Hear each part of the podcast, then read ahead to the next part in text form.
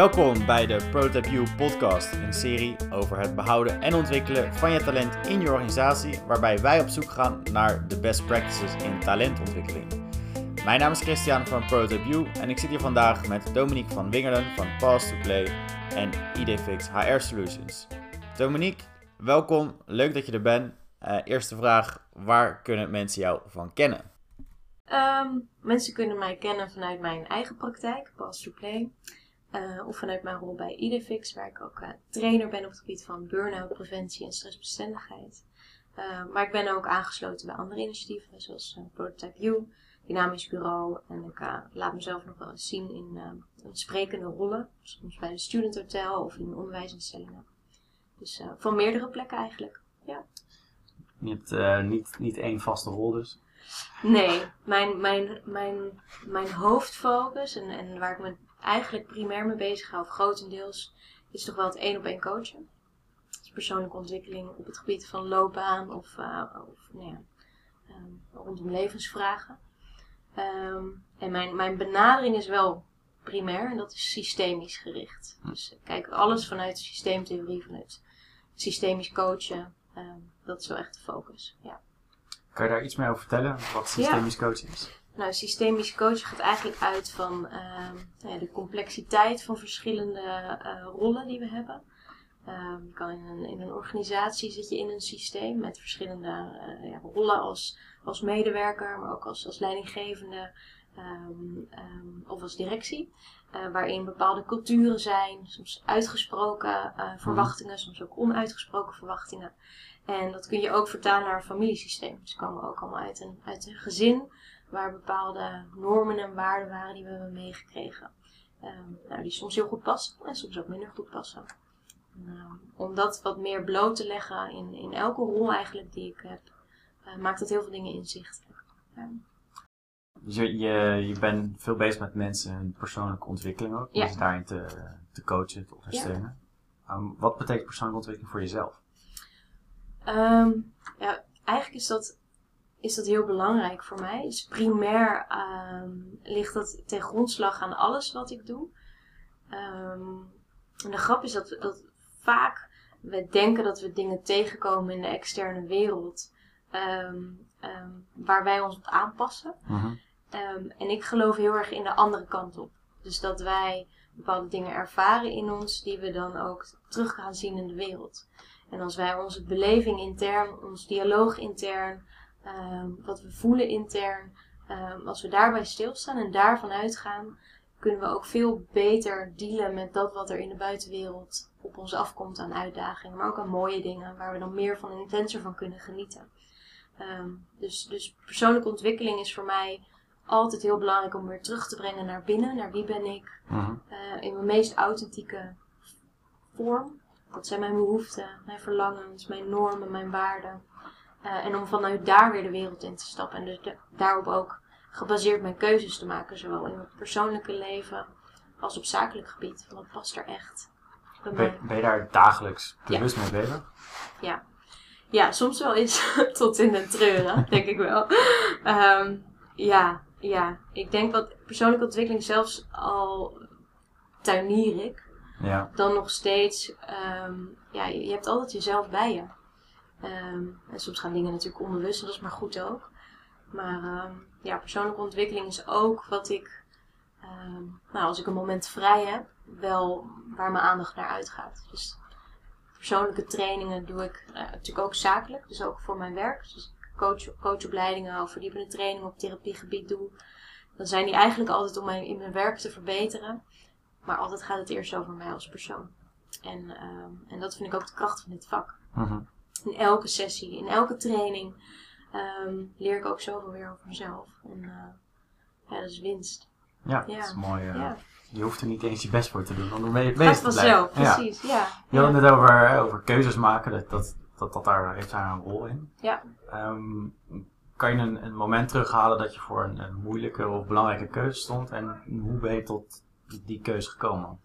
Ja, ik denk um, inmiddels zo'n zeven jaar geleden um, was ik aan het promoveren op de universiteit. Dus na mijn, uh, mijn master arbeidsorganisatiepsychologie um, uh, een verdiepende uh, proefschrift was ik aan het schrijven op dat gebied. En ehm, ik raakte zelf in die fase burn-out. Grap is, je denkt daar van alles over te weten. En je herkent het niet bij jezelf. Dat was nogal een eye-opener.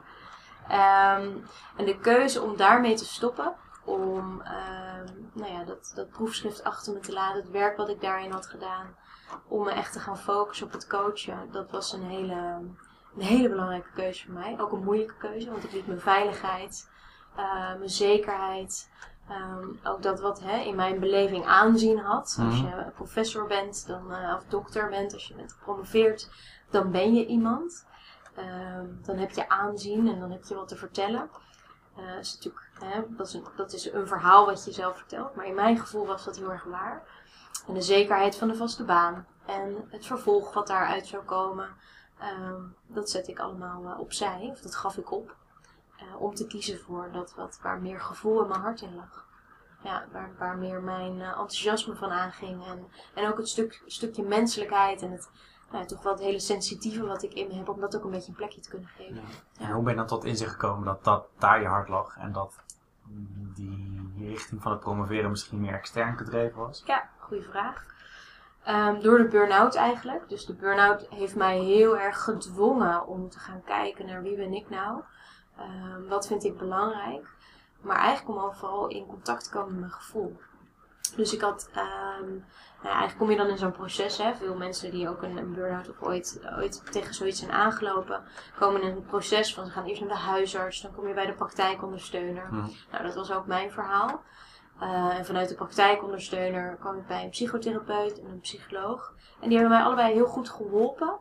Um, maar ik miste nog iets. Ik was heel erg aan het kijken met hen samen. Wat me veel inzicht heeft opgeleverd naar hoe heeft het nou zover kunnen komen dat ik, nou ja, dat mijn auto stil is komen te staan. Dat ik, dat ik gewoon, nou ja, opbrandde, Ja. dat mijn reservetank leeg kon lopen. Uh, dat was heel waardevol om daar zicht op te krijgen. En tegelijkertijd was dat eigenlijk ook wat te vroeg. Waar ik meer behoefte aan had op dat moment was, oké, okay, hoe krijg ik nou eerst mijn mijn reservetank weer vol. En hoe zorg ik nou dat ik weer op de weg ben. En dan ga ik wel terugkijken naar hoe, dat heeft, hoe heeft dat kunnen gebeuren. Nou, zo werd ik door, nou ja, een beetje door een zoekproces bij, kwam ik bij een coach terecht. En um, zij gaf mij zoveel inzichten en, en, en handvatten op dat moment dat ik dacht, ja, ik ga een coachopleiding doen. Dus ik ben um, uh, nou, in dat proces uh, ook omdat ik dacht van hé, hey, er zijn zoveel mensen met mij Hmm. met burn-out problematiek. Zoveel jonge, ook kritische, hoogopgeleide mensen die tegen hetzelfde probleem aanlopen. Ik wil niet zelf het alleen ondergaan, maar ik wil ook weten hoe je dit dan ook professioneel kan aanpakken. Ja. En toen kwam ik in die coachopleiding terecht. En daar voelde het als thuiskomen. En was dacht, daar, daar mocht alles. Daar mocht elk deel van jezelf zijn. Hmm. Sterker nog, daar werd je uitgenodigd. Om ook de delen die je normaal niet zou laten zien, om die eens naar voren te laten komen. En dat voelde zo uh, ja, veilig en, en fijn en compleet. Dat ik dacht, ja, dit is, dit is waar, ik echt, waar ik echt aan van ga. Ja. Ja. En op die manier in contact treden met andere mensen, dat is, uh, er is gewoon niks mooiers dan dat. Ja. Dus eigenlijk was die burn-out achteraf gezien een, uh, een heel fijn moment. Ja. Achteraf Achter, gezien. absoluut. Het moment zelf ja, natuurlijk absoluut. totaal nee, niet, maar nee, terugkijkend. Ja, zeker. En je noemt daar het, het um, uh, keus maken op, op, eigenlijk op je gevoel. Ja. Um, nou hoor je wel eens uh, mensen zeggen, en dan heb ik een stelling voor je. um, als je je hart volgt, dan komt het wel goed. ben je het daarmee eens of niet? Ehm, ja, daar ben ik het mee eens. Maar ik heb daar wel een kleine kanttekening bij. Want ik hoor veel mensen die ooit zo'n proces zijn doorgegaan, ook helemaal de andere kant op slaan. Dus ze hebben de ene kant van de medaille volledig rationeel, cognitief keuzes maken, um, ervaren. En dat blijkt niet te werken. En dan gaan ze volledig naar de intuïtieve gevoelswereld. En ik geloof dat beide heel krachtig zijn. Mm. Dus ik geloof zeker dat als je naar je hart luistert, dat dat een hele mooie raadgever is van oké, okay, maar wat is het dan wat ik graag zou willen? Of waar wil ik naartoe? Maar dat je verstand net zo'n belangrijk onderdeel is om uiteindelijk te bepalen, oké, okay, hoe kom ik dan van de plek waar ik nu ben naar waar ik naartoe wil? Dus um, als, als, als kompas zou ik zeggen, zeker, luister naar je hart. En gebruik dan ook vooral je verstand om daar vorm aan te gaan geven. ja. Kan je daar een, een uh, stel er zit iemand te kijken die, die denkt van ja, dat, dat ik snap wat je zegt, Ja. maar lastig. Ehm, of misschien is het ook eng, lu- Ja. luisteren naar je gevoel. Eh, Een praktische tip, hoe, hoe luister je toch eh, zonder rationeel eh, niet meer na te denken naar je gevoel? Nou, vaak wat er opkomt is dat mensen ratio gevoel erg door elkaar gaan halen. Ehm, ik zou zeggen, gevoel is primair. Dat is het eerste, is, is meer de energie in je lichaam. Dus als je bijvoorbeeld vlinders in je buik voelt, of je hart maakt een sprongetje, of eh, je ogen gaan stralen, want je, krijgt, je wordt enthousiast. Dat is vaak het eerste primaire gevoel wat laat zien. Of, ofwel de andere kant op, hè. Dus juist eh, nee, of hoe het benauwt me, of hoe het wordt spannend. Ehm, dat is vaak het eerste gevoel. En wat dan heel snel volgt, zijn onze saboteurs. Overtuigingen, eh, overlevingsmechanismen, patronen die, eh, die ons graag houden bij het oude, omdat dat nou eenmaal veilig is. Die ook een rol hebben. Ehm, maar om, om te luisteren naar eerst het primaire gevoel, want dat Mhm. zegt vaak wat het is, wat je, wat, letterlijk wat je, wat je, nou noem het ziel, of wat je lijf aangeeft, van nou dat is goed voor mij. En dan te kijken, oh ja, alle belemmerende overtuigingen, beperkende gedachten die dan oppoppen, dat is vaak, ehm, nou ja, die er ook mogen zijn. Die ook, ook relevant zijn. Ja. Maar die ehm, ook soms misschien iets van, van vroeger waren Mhm. en minder relevant voor nu. Maar we mogen met z'n allen wat meer naar onze intuïtie luisteren. Ik denk het dat wel. Ja, dat is, dat is, ik, ja, ik denk dat we in een hele rationele maatschappij leven. Waarin we heel erg op, op output en op zekerheid en op stabiliteit gestuurd zijn.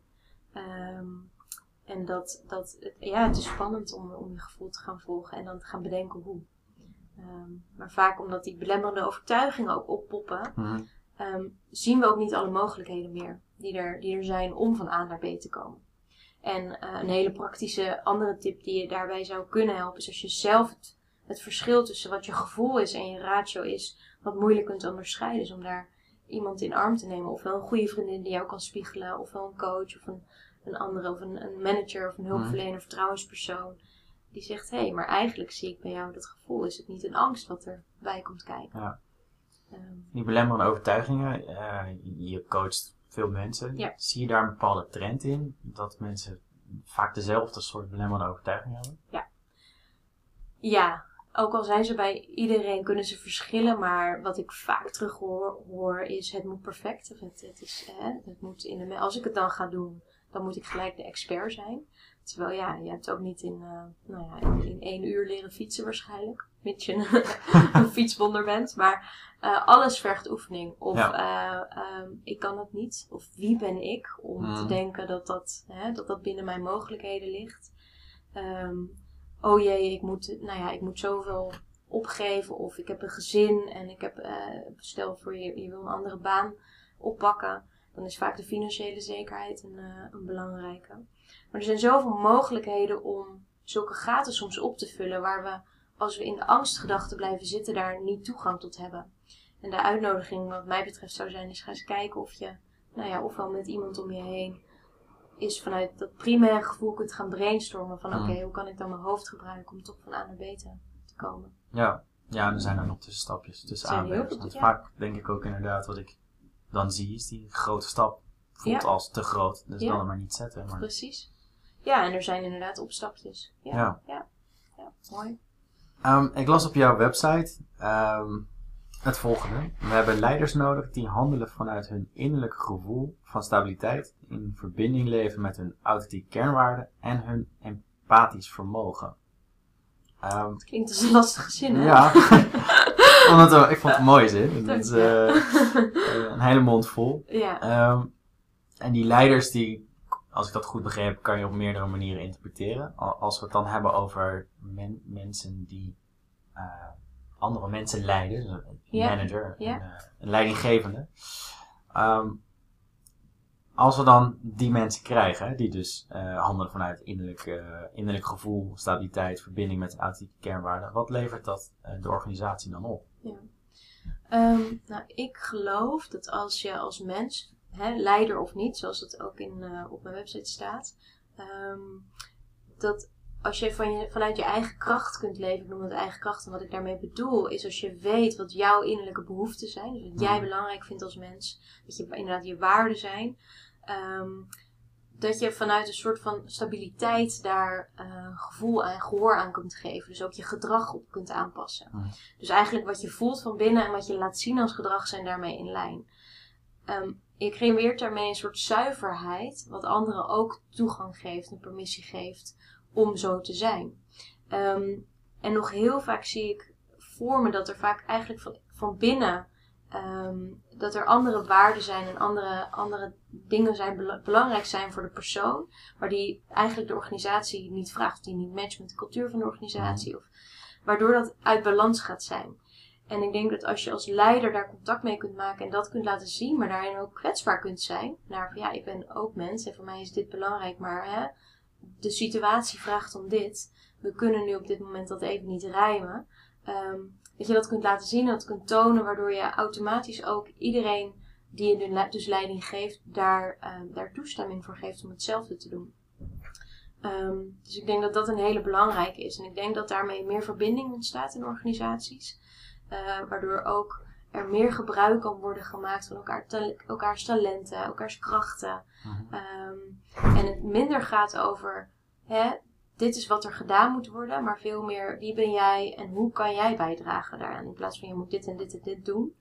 Uh, om ook jouw energie daarin uh, optimaal naar boven te laten komen en te laten floreren. En, en bedoel je dan dat mensen dan meer aan het kijken zijn naar de persoon, de individu en diensttalenten? Ja. En, en het minder vanuit dit is jouw functie in de organisatie, dus Ja. je moet dit kunnen? Exact. Ja, ik denk dat we nog heel vaak denken vanuit competentieprofielen. Ehm, wat uiteraard ook zijn kracht heeft. Hè? In bepaalde rollen zijn bepaalde com- competenties eh, nee, simpelweg noodzakelijk. Ehm, maar competenties zijn vaak aangeleerd. En je kan iets heel goed kunnen, maar het kan je eigenlijk ook heel veel energie kosten. En als we veel meer gaan kijken naar talenten, de onderliggende drijfveren, iets wat van nature energie geeft om te laten zien, dan gaan we ook richten op duurzame inzetbaarheid van mensen. Van hé, maar ik zie hier zit jouw talent. Tegelijkertijd vraagt jouw competentieprofiel misschien niet zozeer om dat talent te tonen, maar hoe kunnen we nou eens kijken om echt dat talent naar voren te laten komen um, in jouw rol. En dan nog steeds daar ook een, een, match tussen wat de organisatie nodig heeft, of de doelstellingen van de organisatie, maar ook dat jij als medewerker in jouw rol bepaalde dingen kunt oppakken uh, waar jij van floreert. Als je dan, um, je komt bij verschillende organisaties, of je hoort dingen uit verschillende organisaties. Ja. Um, op het gebied van talentontwikkeling, dit soort zaken.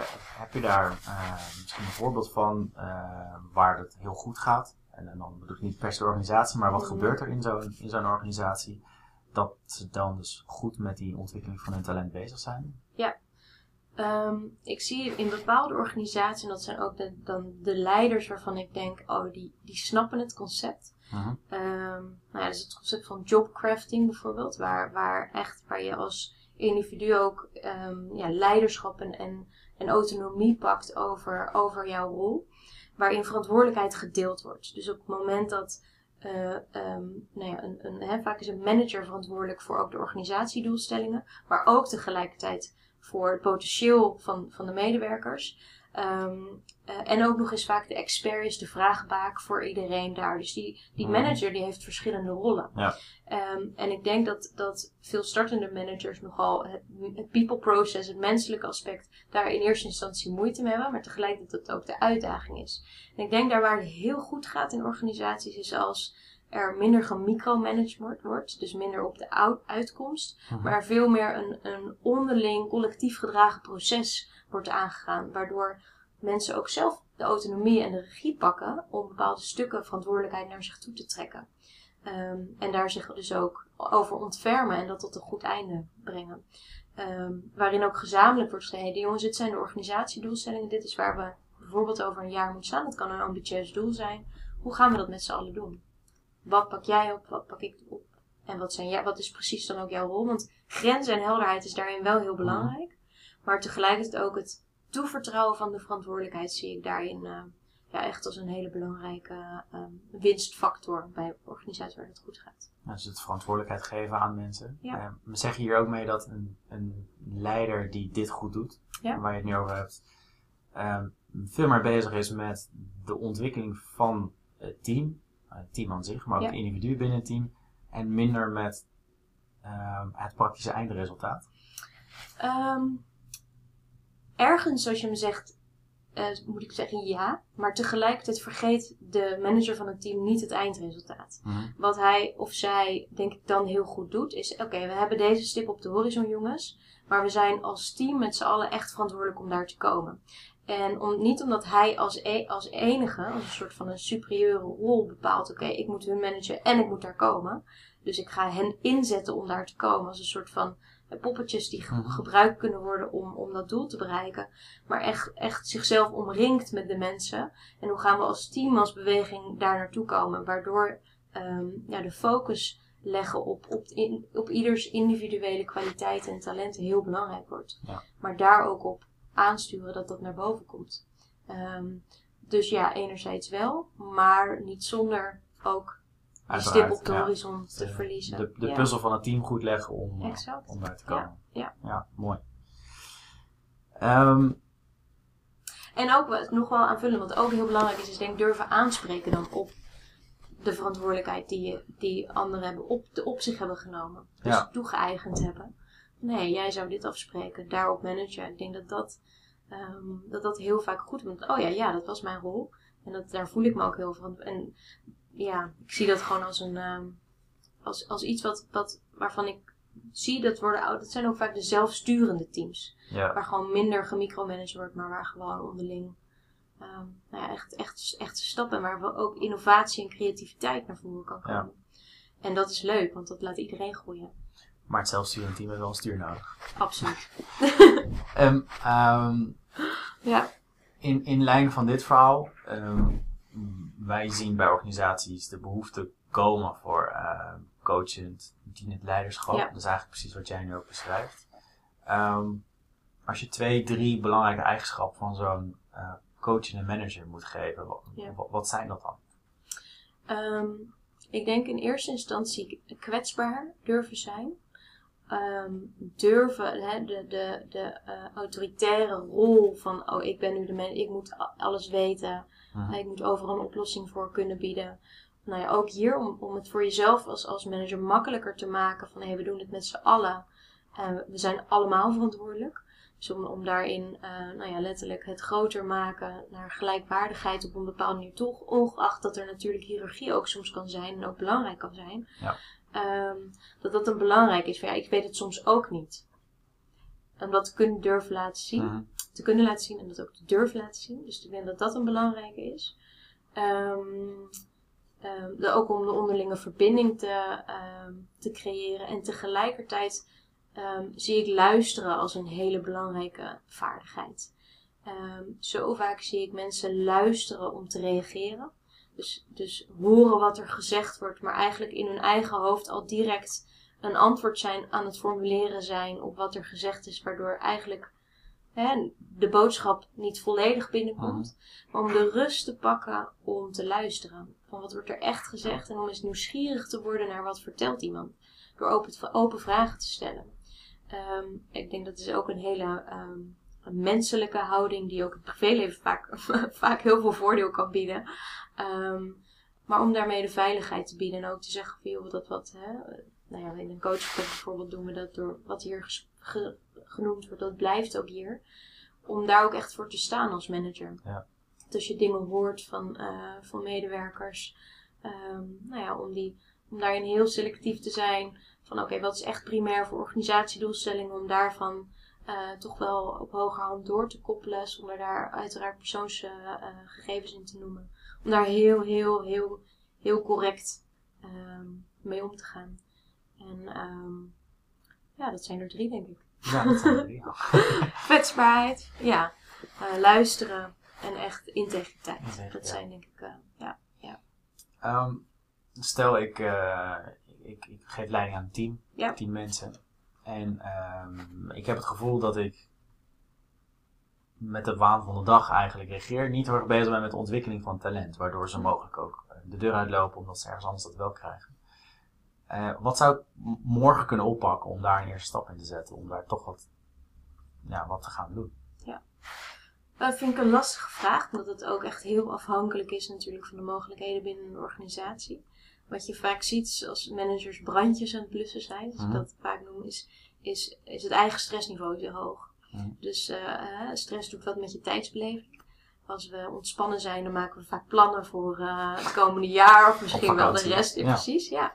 Ehm, leven we in de waan van de dag, dan is het volgende uur overleven of de dag overleven Mhm. al. eh. dus, dus de eerste stap zou ik zeggen ligt bij jezelf. Ja. Is pak dat moment van rust voor jezelf om te kijken, oké, hoe kan ik mijn tijdsbeleving aan vergroten of verruimen. En ten tweede zou ik toch zeggen om, om jezelf uit te spreken. Communicatie is een key. Ehm, door het gewoon op de agenda te zetten en mede te delen van joh, jongens, dit is hoe het gaat. We zijn bezig met hè, de, eh, de, eerst, de eerste processen managen, omdat dat, dat de hoogste prioriteit op dit moment is.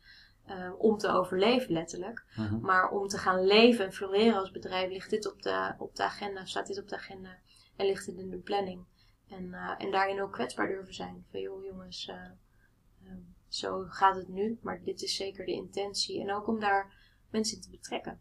Ik denk dat heel vaak ook in organisaties alles nog op, ehm, ehm, ja, vaak binnen de HR-afdeling of binnen bepaalde, eh, of in de directie wordt besloten Mhm. op basis van wat we denken dat goed is.